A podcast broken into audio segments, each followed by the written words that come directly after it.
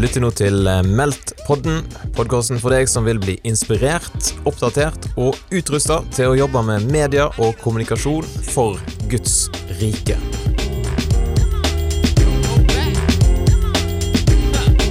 Du er med på Meldt-konferansen, og med i et eh, litt sånn provisorisk podkaststudio her på loftet på, i Filadelfia-kirken har jeg lurt med meg en av seminarholderne, Petter Skippervold. God dag, god dag. God dag, god dag. Eh, For dere som ikke er kjempefan av rockebandet Post Scriptum, som ga ut sin beste CD i 2006, Deilig. så kan det være at du må presentere deg litt mer. Ja. Kan du si tre kjappe fakta om deg sjøl? Hei, jeg er, eh, jeg er eh, 44 eller 45 år, jeg husker ikke helt. Jeg er født i 1975. Etter 40 så er det greit å slutte å telle. det er Det er min filosofi. Jeg er oppvokst på Sørlandet. Jeg er utdannet teolog, og jeg jobber som eh, merkevarebygger. Og Da er det litt interessant å høre hvor går reisen ifra teologistudiet og en eh, nesten ferdig doktorgrad eh, om Gamle testamentet, og inn i byråverden. Ja. Fortell litt om den reisen. Ja, den blei litt bråere enn jeg hadde tenkt.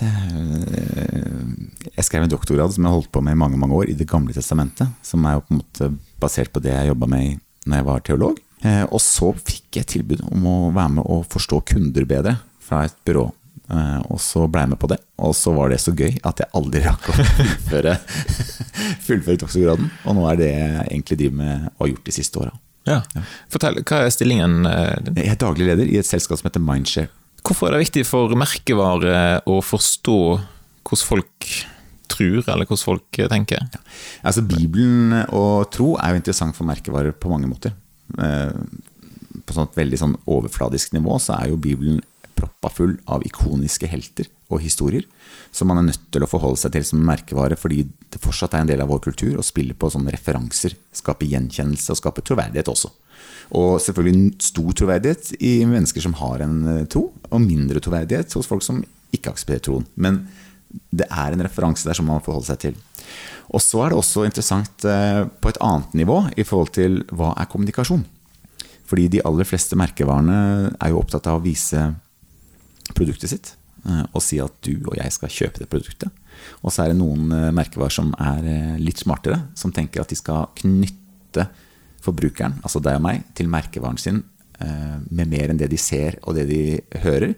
Men å få sånn et, et, et følelsesmessig og verdi og og kanskje trosforhold til produktet. Ja. Så Derfor er merkevarer nysgjerrig på hva som skjer i religionen. Kan du gi et eksempel på en merkevare som en har, enten har prøvd på dette her, eh, og kanskje fortsatt noen som har lykkes i dette her? Er det noen som har klart det?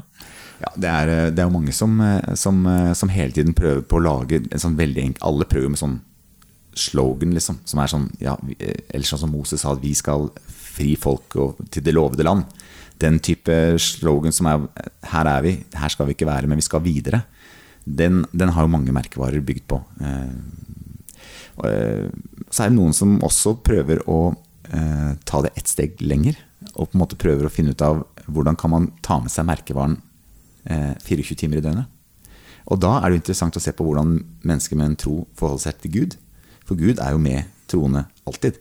Den er ikke i butikken eller hjemme i kjøleskapet eller den bilen du sitter i, men det er noe du alltid har med deg. Og Volvo har jo forsøkt eh, gjennom eh, de siste årene på å prøve å få oss som forbrukere til å tenke om Volvo som mer enn en bil. Og det blei jo tydelig i fjor når de på, i LA på bilkonferansen der ikke stilte ut en bil, men en illustrasjon som fortalte at dette er ikke en bil. Som er en, et, et kunstverk, rett og slett. Ja. Eh, Det floppa. Eh, Fungerte overhodet ikke. Men tanken om at vi skal som forbrukere assosiere Volvo med noe annet enn en bil, ble veldig tydelig for mange. Eh, Så når du har et kundemøte, er det sånn at da drar du opp Bibelen og sier nå skal vi lese litt fra andre Mos bok, og så Nei. Det, det, det, det, har vi, det har jeg aldri opplevd. Men det, må- måten jeg får brukt eh, teologien min på, er jo å forstå, eh, forstå kundene. Altså hva er, det, hva er det man ønsker? Hvilke problemstillinger har man? Ikke sant? Og hva er konteksten? Og der er jo det å forske på Bibelen veldig veldig nyttig. Ikke sant? Hva er rammene rundt en fortelling? Er fortellingen viktig i seg selv, eller, er den, eller beskriver denne fortellingen utenforliggende ting som er viktigere? Hva er, hva for eksempel er det viktige med fortellingen om Moses? Er det at et folk flytta seg fra Egypt til det lovede land? Er det det aller viktigste? Eller er f.eks. det viktigere at et folk eh, begynte å gå i dialog med Gud gjennom å få et regelsett som var på en måte en sånn håndbok eller en manual for kommunikasjon med Gud. Mm. hvilke av de to tingene er viktigst, og hvordan skal man veie de to historiene opp mot hverandre? Og sånne type, det begynner å bli, Da begynner det å bli litt sånn eh, kompliserte eh, problemstillinger. Og hvor kommer Moses inn i dette her? Hva er forholdet Moses, Aron, heltefortellinger osv. Og, så videre. og det er liksom øvelse i å grave i disse tekstene og analysere disse tekstene og forstå disse tekstene ut fra mange ulike perspektiver, som er en sånn kompetanse man trenger i møte med kunder som ønsker å, å, å kommunisere noe. og Som ikke alltid vet hva de vil kommunisere, og heller ikke alltid vet hva folk faktisk vil ha. Så du tenker at flere teologer bør inn i markedsføringsverdenen? Eller da blir det konkurranse med dere, så det er kanskje ikke greit? Eh, jo, gjerne det. Men yes, det, er jo en, det er jo en glidning i, eh, i markedsføring fra å være markedsfører til å bli annen type kompetanse. Som du har mye Man har eh, altså, Analyseavdelingene rundt omkring, var, hvor det før var mye markedsanalytikere, er jo analyseavdelinger som nå har um, samfunnsanalyse og politisk analyse integrert. Så det, det er en rivende utvikling.